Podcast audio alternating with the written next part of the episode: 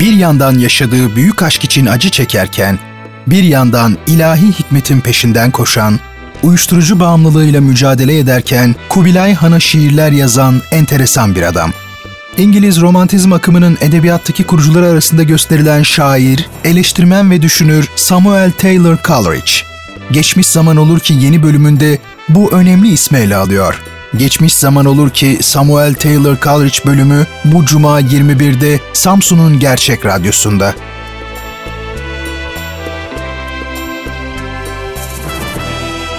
Geçmiş zaman olur ki.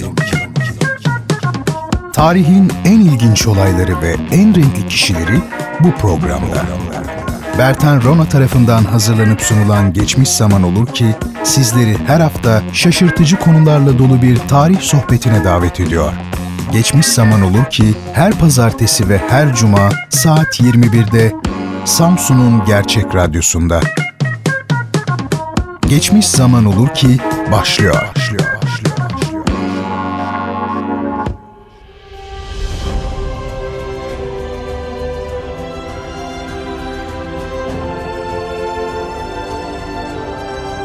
Sevgili dinleyiciler, hepinizi hürmet ve muhabbetle selamlıyorum. Bir geçmiş zaman olur ki programında daha beraberiz. Çağlardan çağlara, olaylardan olaylara ve kişilerden kişilere yapmakta olduğumuz yolculuk bu bölümde de devam ediyor. Başlamadan önce Geçmiş Zaman Olur ki'nin pazartesi ve cuma akşamları saat 21'de Radyo Gerçek'te yayınlandığını belirtmek ve gösterdiğiniz ilgiden dolayı siz değerli dinleyicilerime teşekkür etmek isterim.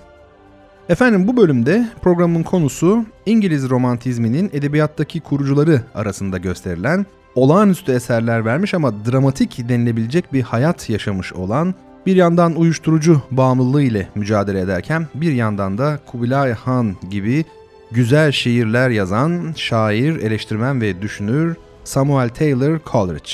Şimdi onu sizlere tanıtmaya çalışacağım. Efendim Samuel Taylor Coleridge 21 Ekim 1772'de Devonshire'da doğdu ve 25 Temmuz 1834'te Highgate'de yani Londra yakınlarında hayatını kaybetti. Belirttiğim gibi İngiliz lirik şair, eleştirmen ve filozoftur. William Wordsworth ile birlikte yayınladıkları Lyrical Ballads yani lirik balatlar adlı yapıt İngiliz romantizm hareketinin habercisidir.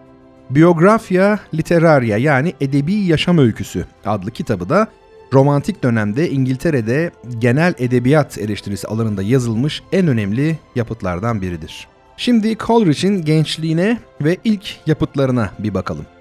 Coleridge'in babası Ottrey papazı ve aynı bölgedeki ilkokulun müdürüydü.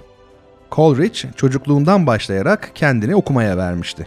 1781'de babasının ani ölümünden sonra Londra'daki Christ's Hospital'a girerek orta öğrenimini tamamladı. 1791'de Cambridge Üniversitesi'ndeki Jesus College'a yazılarak öğrenimine devam etti. Lisede ve daha sonra üniversite öğrenciliği sırasında özellikle düşsel öğelerin ağır bastığı kitapları yutarcasına okuyor ve ön sezinin ağır bastığı felsefi görüşlere büyük bir ilgi duyuyordu. Üçüncü sınıfta okurken mali sıkıntılar yüzünden Londra'ya gitti ve Silas Tomkin Cumbercage takma adıyla ağır süvari olarak askere yazıldı. Bu yaşama uyum gösterememesine karşın dostları izni buluncaya değin durumuna katlandı. Sonra abilerinin orduya tazminat ödemesi üzerine yeniden üniversiteye başladı. Oldukça ilginç gerçekten. Geri döndükten sonra kabına sığamayan biri olmuştu Coleridge. Fransız devrimi çerçevesinde oluşan entelektüel ve siyasal hareketlilik toplumun doğası üzerine yoğun ve zorunlu bir tartışmayı başlatmıştı. Kışkırtıcı bir kitapçık yayınlayan William Friend'in 1793'teki yargılanması üniversitede olaylara yol açmıştı. Friend'i destekleyen öğrencilerin önderlerinden biri olan Coleridge, Fransız devriminin idealizmine zarar veren yıkıcı şiddeti önleyecek tasarılar üzerinde kafa yoruyordu. Kendi kendine örgütlenecek küçük bir topluluk oluşturulacak ve çocukların eğitimi mevcut toplumsal ilkelerden daha üstün ilkelere göre düzenlenecekti. Coleridge, rastlantı sonucu şair Robert Southey ile tanıştı. Birlikte Pensilvanya'da Susquehanna Irmağı kıyısında Pantisokrasi adını verdikleri bir şemaya göre 12 erkek ve 12 kadından oluşacak bir topluluk kurmayı tasarladılar. Coleridge bu amaç uğruna bir daha dönmemek üzere Cambridge'den ayrılıp Southey ile birlikte Bristol'da halka açık konferanslar vermeye başladı. Ekim 1795'te Salty'nin de etkisiyle yöredeki bir okul müdiresinin kızı olan Sarah Freaker ile evlendi. Southey bir süre sonra pantisokrasi tasarısından çekildi. Coleridge'i de aslında sevmediği bir kadınla evli olarak bıraktı. Bir bakıma bu darbenin Coleridge'in yazarlığı üzerindeki etkisi hiçbir zaman silinmedi. Gene de düşünsel yaşamı bu dönemde olağanüstü bir gelişme gösterdi. Coleridge'in insan zihninin doğası üzerine giriştiği araştırmaya 1795'te tanıştığı William Wordsworth katıldı. İki şair birlikte İngiliz edebiyatının en etkili yaratıcılık dönemlerinden birine adım attılar. Coleridge'in entelektüel coşkusu ve bütün insanlarda güçlü bir yaşama bilinci olduğu konusundaki inancı, Wordsworth'u başından geçen son olayların yol açtığı ruhsal çöküntüden kurtardı ve 1798'de yayımlanacak olan Lyrical Ballas'taki şiirlerinde açıkça görülen yeni doğa anlayışına varmasını sağladı. Bu arada Coleridge kalıplaşmış biçimlerden uzak yeni bir şiir tarzı geliştirmekteydi. Şiire bir bütünlük kazandırmak amacıyla konuşma tonundan ve ritminden yararlanıyordu. Bu dönemde öğrencilik yıllarında olduğu gibi önseziye dayanan felsefe ile ilgilenmeye başladı karşılaştırmalı din ve mitoloji yapıtlarını inceleyerek Tanrı'nın birliği ve ruhun ölümsüzlüğü inancına dayanan bütün din ve mitoloji geleneklerinin özellikle insan dehası olgusunda ifade bulan evrensel bir yaşam bilincinden kaynaklanamayacağını araştırıyordu. Bu düşüncelerle yoğun biçimde ilgilendiği bir sırada Somersetshire Colborne yakınlarında ıssız bir çiftliğe çekildi ve kendi belirttiğine göre hafif bir uyuşturucunun etkisi altında Kublai Han adıyla bilinen yani Kublai Han adıyla bilinen gizemli şiir parçasını yazdı. Kendisinin bu şiirin konusu üzerine pek konuşmaması ve şiiri sonradan bir psikolojik merak ürünü olarak tanımlaması büyük bir olasılıkla son kıtada yer alan aşırı savlar, iddialar yüzündendir. Burada şairin bir tür güneş tanrısına dönüştüğü mutlak deha durumu betimlenir. Bazı eleştirmenler bu yapıtı anlamsız bir düş ürünü olarak görürken bazısı da insan dehasının karmaşık bir incelemesi olarak değerlendirmiştir. Coleridge 1797-1798 sonbahar ve kış döneminde yazdığı The Rime of the Ancient Mariner yani ihtiyar denizcinin türküsü şiirinde aynı tema öbeğini daha az içe dönük bir biçimde ele almayı başardı. Bu en tanınan şiiri için balat biçimini seçmişti. Ana anlatı bir albatrosu öldürerek yaşam ilkesine karşı suç işleyen bir denizcinin çektiği fiziksel ve ruhsal acıları işler, denizci bu acılar aracılığıyla nasıl bir suç işlediğinin bilincine varır. Gemideki bütün arkadaşları ölmüş, tek başına kalmıştır ve rüzgar olmadığı için hiçbir yere gidemez. Hareket hatta zaman duygusunu yitirir. Yaşam ile hiçbir bağı kalmadığı için artık bir cehennemdedir.'' Sonunda bir rastlantı sonucu karanlığın içinden altın bir ateş gibi ışıldayan su yılanlarının görünmesiyle denizcinin kalbinde bir sevgi doğar ve bu olay yaratıcılık sürecini yeniden başlatır. Denizci kısa bir an evrenin içsel birliğini görür. Birbirleriyle uyum alışverişi içindeki bütün canlılar kendi kökenlerini haykırırlar. Denizci ülkesine geri döndükten sonra da yaşadıklarının etkisi altında kalır ama en azından Karabasan'dan kurtulmuştur. Artık insan yaşamının bütün olağan süreçlerindeki yüce gönüllülüğü ve mucizeyi kavrayan yepyeni bir bakış edinmiştir. Bu iki nitelik canlılığı ve duyarlılığı çok güzel birleştiren şiirde yansır. The Rime of the Ancient Mariner şiiri Lyrical Ballads kitabındaki ilk şiirdi. Böylece Wordsworth'un kitaba katkılarının belirgin bir özelliğini oluşturan sıradan yaşam içindeki mucize duygusunu anlaşılır kılacak bir bağlam yaratılmak istenmişti. Kitap baskıdayken Coleridge bu şiiri tamamlayıcı nitelikteki bir başka şiire başladı. Christabel adlı bu gotik balatta masum aşk ruhu ile ilişkiye geçen yalın enerjinin günahtan arınabileceğini göstermeyi amaçlıyordu. Sevgili dinleyicilerim elbette Coleridge'in sorunlu yılları da oldu. Zaten şimdi onlardan söz edeceğiz. 1798'in başlarında Coleridge kendini yeniden siyasal konuların içinde buldu. İsviçre Konfederasyonu devletleri Fransa'nın egemenliği altına girmişti. Olay ideolojik açıdan büyük önem taşıyordu çünkü Fransız hükümetinin devrimin ilkelerine ters düşen bir biçimde keyfi davrandığı ilk kez açık olarak görülüyordu. Coleridge üzüntüsünü France, an ode yani Fransa, bir od, bir şiir başlıklı çalışmasında dile getirdi. Kendi özel yaşamında da bir bunalım döneminden geçiyordu. Bütün başka işlerini bırakarak Shrewsbury'de bir Üniteryen papazı olmayı kabul etme noktasına gelmişti. Yeshua ve Thomas Wedgwood kardeşlerin ona bir gelir bağlamaları üzerine verdiği karardan vazgeçti ve bu yeni bağımsızlık fırsatından yararlanarak Almanya'ya bir gezi yaptı. Almanya o günlerde en ilginç edebi ve zihinsel etkinliklere sahne oluyordu. Coleridge, Göttingen Üniversitesi'nde derslere katıldı. Bu dersler ve okuduğu kitaplar daha ileriki yıllarda bile İngiltere'de pek az bilinen Alman bilim dünyasındaki gelişmeleri öğrenmesine yardımcı oldu. Efendim Coleridge İngiltere'ye döndüğünde kendisini yeni zorluklar bekliyordu. William Wordsworth ve kız kardeşi Dorothy Wordsworth ile yakınlığı karısı için uzun süreden beri tedirginlik kaynağı olmuştu. 1799'un sonuna doğru Wordsworth'un gelecekteki baldızı Sarah Hodkinson'a aşık olunca evliliklerindeki gerilim daha da arttı. Bir yandan da sağlığı bozuldu ve afyona daha bağımlı hale geldi. Bu arada ek gelir sağlamak için gazetelere siyasal yazılar yazdı.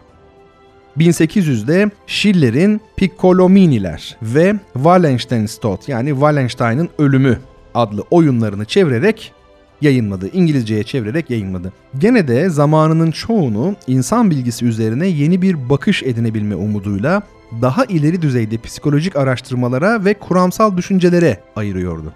Bu dönemde ortaya koyduğu başlıca ürünler arasında Christabel şiirinin yeni bölümü vardı. 1802'de Coleridge evdeki mutsuzluğunun etkisiyle Dejection, an Ode yani keder, bir od adlı şiirini yazdı. Yapıt aslında Sarah Hodkinson'a gönderilmiş şiir biçiminde uzun bir mektuptu. Mektupta Coleridge sevgisiz bir aile yaşamından ötürü entelektüel etkinlikleri bir kaçak gibi yaşamanın yıpratıcılığından yakınıyordu. Daha önce bazı şiirlerinde uyguladığı konuşma tekniğine başvurmuş ve o şiirlerinde kullandığı duyarlı ritim ve dize yapısını içinde bulunduğu zihinsel çöküntüyü dile getirebilmek için bu şiirinde büyük bir ustalıkla işlemişti. Coleridge, Sarah'ya karşı duyduğu platonik aşk ile karısı ve çocuklarına bağlılığını bir arada yürütmeyi istiyordu. Wordsworth, Sarah'nın kız kardeşi Mary ile evlendikten sonra onlardan bu konuda yardım görmeyi umuyordu ama sağlığının gitgide daha çok bozulması üzerine bir süre daha sıcak iklimli bir ülkede kalmaya karar verdi ve 1804'ün sonlarına doğru Malta vali vekilinin katipliği görevini kabul etti. Daha sonra uzunca bir süre İtalya'da kalarak gezilere çıktıysa da sağlığı düzelmedi. Ama Malta günleri kendisiyle yeniden hesaplaştığı bir dönem olmuştu. Sonunda kesin olarak karısından ayrılmaya, bir süre için Wordsworth'lerle birlikte yaşamaya karar verdi. Sevgili dinleyicilerim, Coleridge'in Malta'da geçirdiği süre İngiltere'nin o günlerdeki dış politikasının temelindeki kararsızlığı anlamasını sağlamıştı.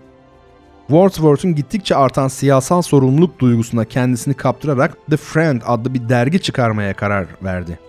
Dergide siyasetçilerin ve benzer işlerle uğraşan kişilerin beşeri olayları düzenlerken başvurabilecekleri bir ilkeler toplamı sunmayı amaçlıyordu.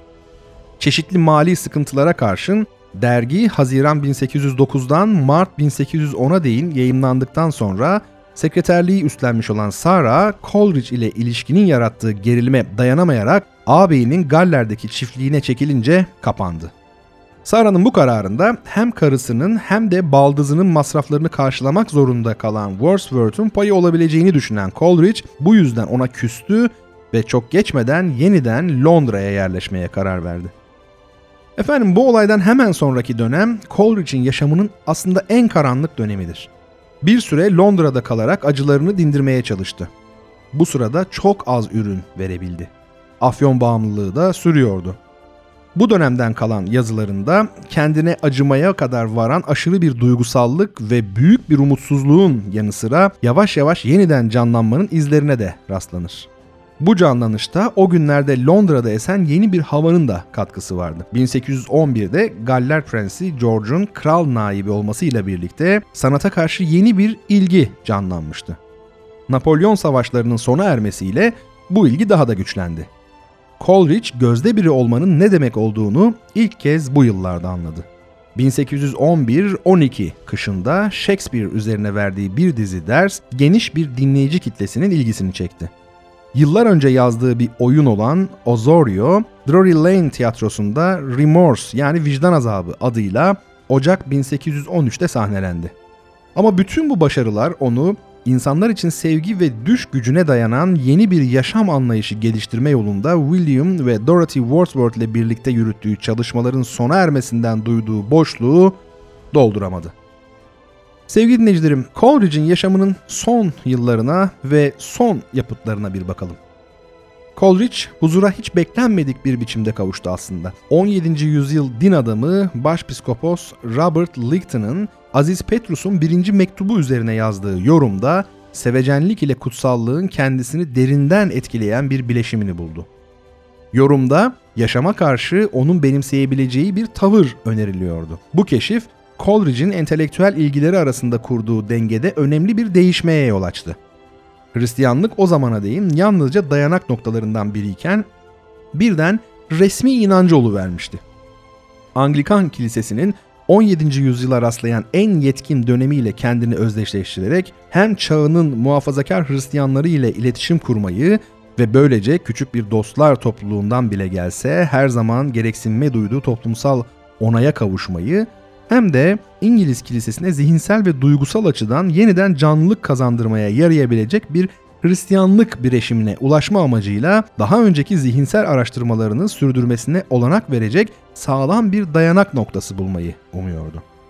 Zihinsel ve duygusal yaşamı için böyle bir temeli benimsemesi sayesinde kendisini özgür hissederek yeniden kapsamlı yapıtlar vermeye başladı.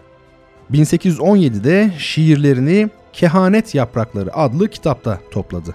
Ayrıca kendi düşüncesinin geçirdiği evrimi ana çizgileriyle özetlediği ve Wordsworth'un şiirlerinin kapsamlı bir eleştirisini geliştirdiği Biografia Literaria'yı yazmış oldu. Yeni oyunu Zapolya 1817'de basıldı. Aynı yıl Coleridge yeni çıkacak olan Encyclopedia Metropolitana için Prospectus adlı yapıtında özetlediği yeni bir sistematik taslağı çıkardı. Biraz da para kazanmak için girdiği bu etkinliklere karşın sürekli bir işte çalışmaya ya da tasarladığı büyük yapıtı ile ilişkisi olmayan projelere pek yanaşmıyordu. Bu büyük yapıtında Tanrı'nın yaratıcı sözü olan Logos'un evrenin bilgisini elde etmekteki tek anahtar olduğunu kanıtlamayı umuyordu. Bu yapıtının el yazması taslakları sonradan bulunduysa da bu büyük umutları ve savları doğrular nitelikte bilgilere rastlanmadı. Sevgili dinleyicilerim bu yıllar Coleridge'in daha düzenli bir yaşam sürdüğü yıllardı. 1824'te Kraliyet Edebiyat Derneği'ne üye seçilmesi ona saygınlıktan başka bir de yıllık gelir sağladı. 1830'da kilisenin ve devletin oluşumu üzerine adlı kitabıyla Katoliklere özgürlük verilmesi konusunda ortaya çıkan tartışmaya katıldı. Bu kitabında kilise ile devletin tıpkı bir sarmaşıkla ağaç gibi birbirlerine gereksinimi olduğunu öne sürüyordu. Kitabı Mukaddes'in her parçasının aynı derecede esin dolu olduğuna inanmanın gerekli olmadığını savunduğu bir başka yapıtı, araştırıcı bir ruhun itirafları ölümünden sonra yayımlandı. Coleridge'in son yıllarında yeğeni ve damadı Henry Nelson Coleridge daha sonraki şiir derlemelerinin hazırlanmasına yardım etti ve onun ünlü sohbetlerini kaydetti. Peki Coleridge ile ilgili genel bir değerlendirme yapmak istesek neler söyleyebiliriz? Şunları söyleyebiliriz. Coleridge'in çağdaşı edebiyatçılar üzerinde derin bir etkisi olmuştu. Charles Lamb, William Hazlitt ve Thomas de Quincey gibi Coleridge'i kişisel olarak tanıyan yazarlar ona çok şey borçlu olduklarını kabul etmişlerdi. Coleridge'in şairler üzerindeki etkisi daha da derindi. Lord Byron, Christabel'de örtük bir biçimde, Kubilay Han'da ise açıkça dile getirilmiş olan enerji ve cazibe duygusunu kendisine yakın bulmuştu.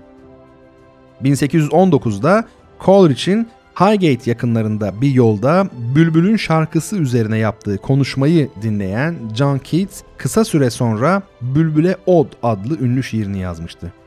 Keats bundan çok önce de Coleridge'in konuşma şiirleriyle gündeme gelmiş olan biçim olanaklarını araştırmaktaydı.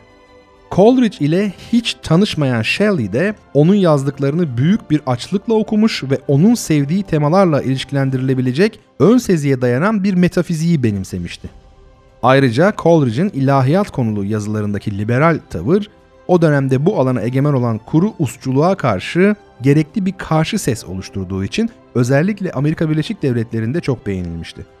Yüzyılın sonuna doğru Walter Pater ve Algernon Charles Swinburne gibi yazarların hayranlıkları Coleridge'in şiirinin duyumsal ve müzikal niteliklerini öne çıkaran estetik bir yorumunu gündeme getirmiştir. Evet sevgili dinleyicilerim bu cümlelerle birlikte Geçmiş Zaman Olur Ki programının bu akşamki bölümünün sonuna gelmiş olduk. Bu akşam sizlere ünlü İngiliz edebiyatçısı Samuel Taylor Coleridge'in hayatını Ana Britannica ansiklopedisinden istifade ederek anlatmaya çalıştım. Bir sonraki bölümde sizlerle tekrar birlikte olabilmeyi diliyorum. Birlikte olalım ki tarih serüvenimize kaldığımız yerden devam edebilelim efendim. Hepinize esenlikler.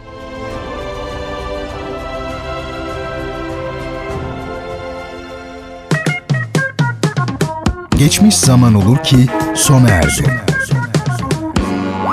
Bu program hakkındaki düşüncelerinizi dinleyen et radyogercek.com adresine mail atarak bize ulaştırabilirsiniz.